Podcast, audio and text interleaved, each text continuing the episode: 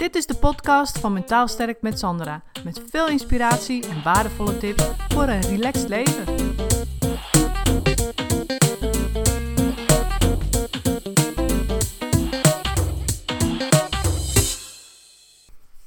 Ik had het uh, gisteren met mijn zoontje over het uh, over uitstellen.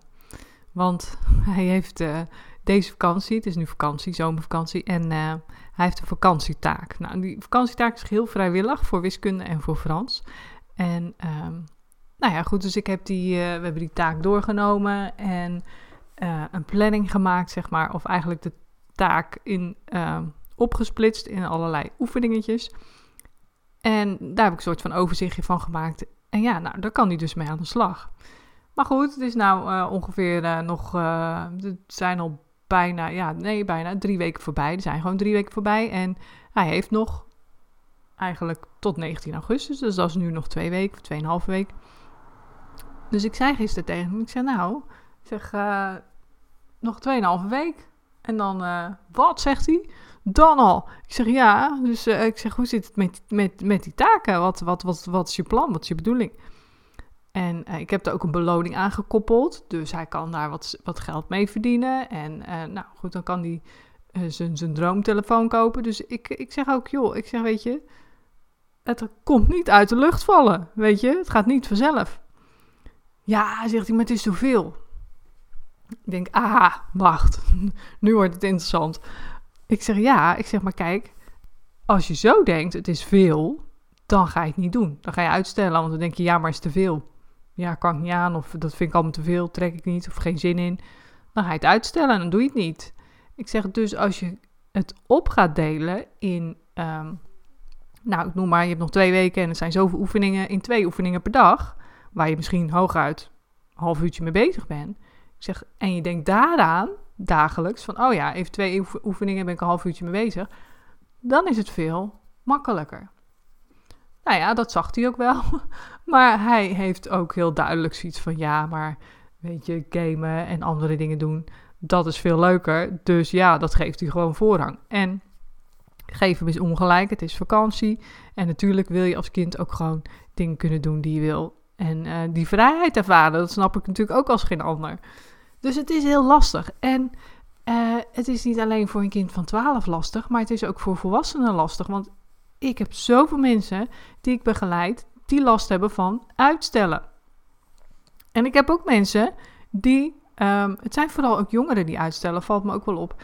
En uh, ik heb ook mensen die weer naar de hele andere kant doorslaan. Dus het tegenovergestelde van uitstellen gaan, uh, of doen eigenlijk, gewend zijn om te doen. En dat is gewoon maar doorgaan. Weet je, maar dat is ook een vorm van uitstellen of eigenlijk een vorm van vermijding. Want uitstellen is niks anders dan vermijding. Dus ga eens bij jezelf na. Weet je, dit is ook wat ik doe in mijn uh, mentaal sterk videotraining of mensen die ik begeleid van wat vermijd je allemaal? Wat vermijd je allemaal? Weet je, we zijn heel veel aan het vermijden. En als je gaat uitstellen, dan vermijd je, ja, sowieso um, iets te doen wat je niet leuk vindt. En het gevoel dat daaraan gekoppeld is. Dus het kan heel simpel zijn. Hè? Dat je gewoon zegt, ja, maar ik heb daar geen zin in. Dus dan vermijd je het gevoel geen zin. Weet je, want ja, als je het niet doet, nou, dan heb je gewoon, en is het makkelijk, weet je. Maar uiteindelijk schiet je er niks meer op, want het blijft liggen en het blijft in je hoofd zitten of je blijft het zien en geeft, je, geeft het je ook weer een ongemakkelijk gevoel of een onrustig gevoel. En natuurlijk, sommige dingen kun je gewoon zeggen van, nou, die doe ik niet of vind ik niet belangrijk, doe ik gewoon helemaal niet. Weet je, je kunt altijd keuzes maken, maar er blijven altijd dingen over die ja, op een gegeven moment gewoon echt wel gedaan moeten, tussen aanhalingstekens, want alles is optioneel, maar hè, sommige dingen moeten gewoon echt rekening betalen of wat dan ook. Dus zolang je dat gaat uitstellen, schiet het allemaal niet op. En dan ben je dus iets aan het vermijden. Dus ga eens bij jezelf naar wat vermijd ik nou eigenlijk op korte termijn? En vooral de belangrijkste vraag is: wat doet dat met me op lange termijn? Want vaak zijn we geneigd om dat helemaal niet uh, als stipje in de horizon te hebben van wat doet het met mij op lange termijn als ik dit blijf uitstellen of als ik dit conflict blijf vermijden of als ik met deze mensen om blijf gaan of als ik in deze baan blijf zitten. Wat doet dat met mij op de lange termijn? Weet je, je kunt vermijden om nieuw werk te zoeken, moeilijke sollicitatiegesprekken te doen, kun je allemaal vermijden. Um, Maar ja, wat doet het met je op de lange termijn? Als je blijft zitten op de baan waar je nu zit, of wat voor situatie dan ook. Dat is de vraag van wat doe ik nu? Wat vermijd ik nu? Welk gevoel vermijd ik daarbij? En wat doet het met me op de lange termijn? Dus dat is, dat is gewoon een hele belangrijke vraag. En we zijn natuurlijk ja, uh, oermensen uiteindelijk nog steeds. En we willen ons op korte termijn goed voelen. Dat is wat ons overlevingsinstinct ons in heeft gegeven. Dat je, als er een hert voorbij rent, moet je daar bovenop springen. Want dan heb je het eten en dan voel je je direct goed. Weet je, dat zit nog steeds in ons systeem. Dus we doen liever op de korte termijn dingen die we uh, makkelijk vinden. En waar we ons direct goed door voelen. Dus bijvoorbeeld uitstellen. Weet je? En op de lange termijn, ja, dat zien we dan wel weer. Maar daar gaat het dus mis. Dus bedenk dat eens voor jezelf. Wat vermijd jij op de korte termijn? En wat doet dat met je op de lange termijn? Dus dat is een hele belangrijke. En dan heb je mensen, die zeggen ja, maar dit herken ik helemaal niet hoor, uitstellen. Ik uh, pak gewoon alles aan, ik ga lekker door en ik, uh, ik, ik ben heel de dag aan het knallen. Weet je, die mensen heb je ook. Maar ook dat is een vorm van vermijding. Want ja, de meeste mensen die ik vooral ook gezien, zien of zien, zie, zeg maar, en ook gezien heb, die, um, die slaan daarin door. En waarom? Omdat het een vorm van ontkenning is. Als je altijd maar doorgaat en gewoon maar doorgaat. Stel je hebt, je hebt pijn of chronische pijn of um, een ziekte of last van iets. Of gewoon een burn-out of stressklachten. Of weet je, het maakt niet uit wat je hebt. Of je hebt iets moeilijks aan de hand in je leven. En um, ja, problemen, tegenslagen. En je, je gaat gewoon, je knalt gewoon door op je werk. En uh, je, je, je, begraaft je in het werk. En um, je blijft gewoon lekker bezig. Want ja, dan voel je je goed, denk je. Maar ook dan is het de vraag, als ik dit gedrag volhoud, blijf volhouden, ik ga maar door, ik pak maar aan en ik doe het maar. En op korte termijn helpt het me even, want ja, ik heb afleiding, ik ben niet bezig met die problemen en ik heb andere dingen aan mijn hoofd die me afleiden. Maar wat doet dat met me op de lange termijn? Dat is natuurlijk altijd de vraag. Dus doorslaan, hè, in aanpakken in plaats van uitstellen, is de andere kant van vermijden, want het is een vorm van ontkenning. Dus ja, wees daar voor jezelf van bewust. Van wat, wie ben ik? Ben ik zo'n uitsteller? Dat is een beetje eigenlijk een soort van onderbelaster. Hè? Iemand die dus gewoon weinig doet. Alles uitstelt, zoveel mogelijk vermijdt om te gaan doen.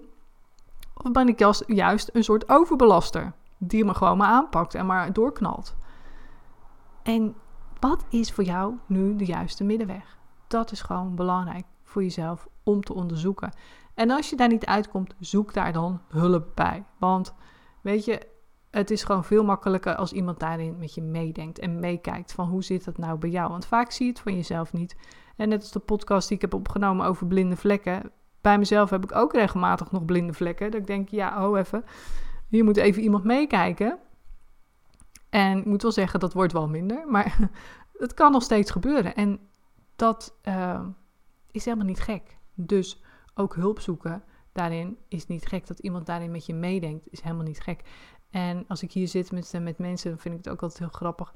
Dat ze dan soms echt dan zeggen, dan hè, laat ik ze dingen zien, of zo, zoals ik het zie. Hè, van nou, dit is korte termijn, lange termijn. En dat ze dan echt ook zoiets hebben van, ja maar echt, zo heb ik het dus nog nooit bekeken.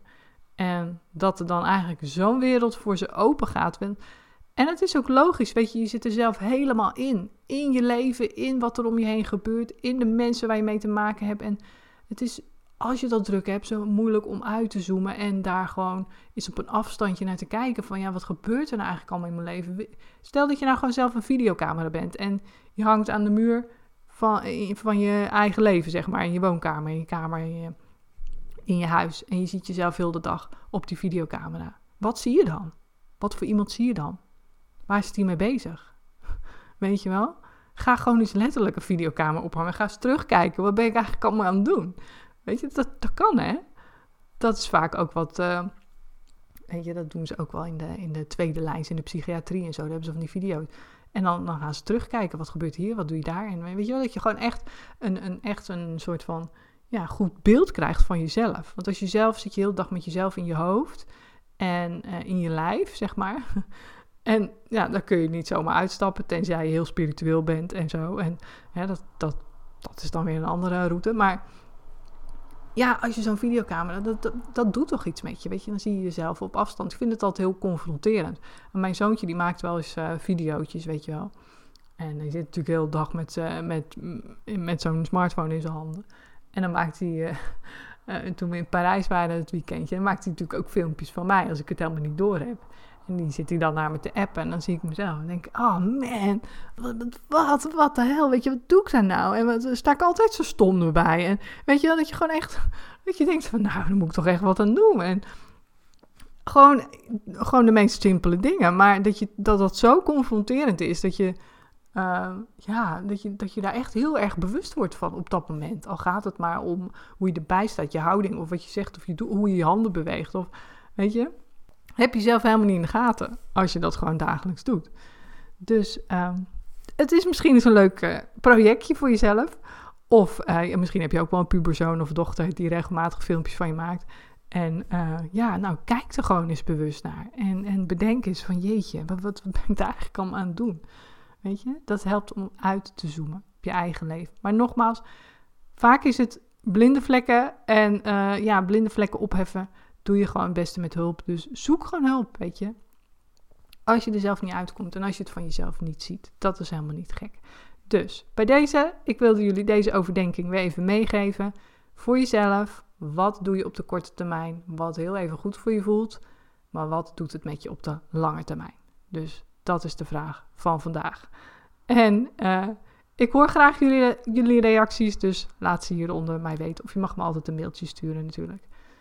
Bedankt voor het luisteren. Het is mijn intentie om met deze podcast waardevolle inzichten te delen die je kunt gebruiken voor je eigen leven en die je helpen groeien in je persoonlijke ontwikkeling.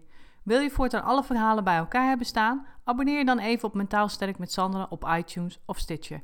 En ben je enthousiast over mijn verhaal? Dan zou ik het superleuk vinden als je een review achterlaat. Dat kun je doen in iTunes of Stitcher en geef je bij beoordelingen en recensies een korte review.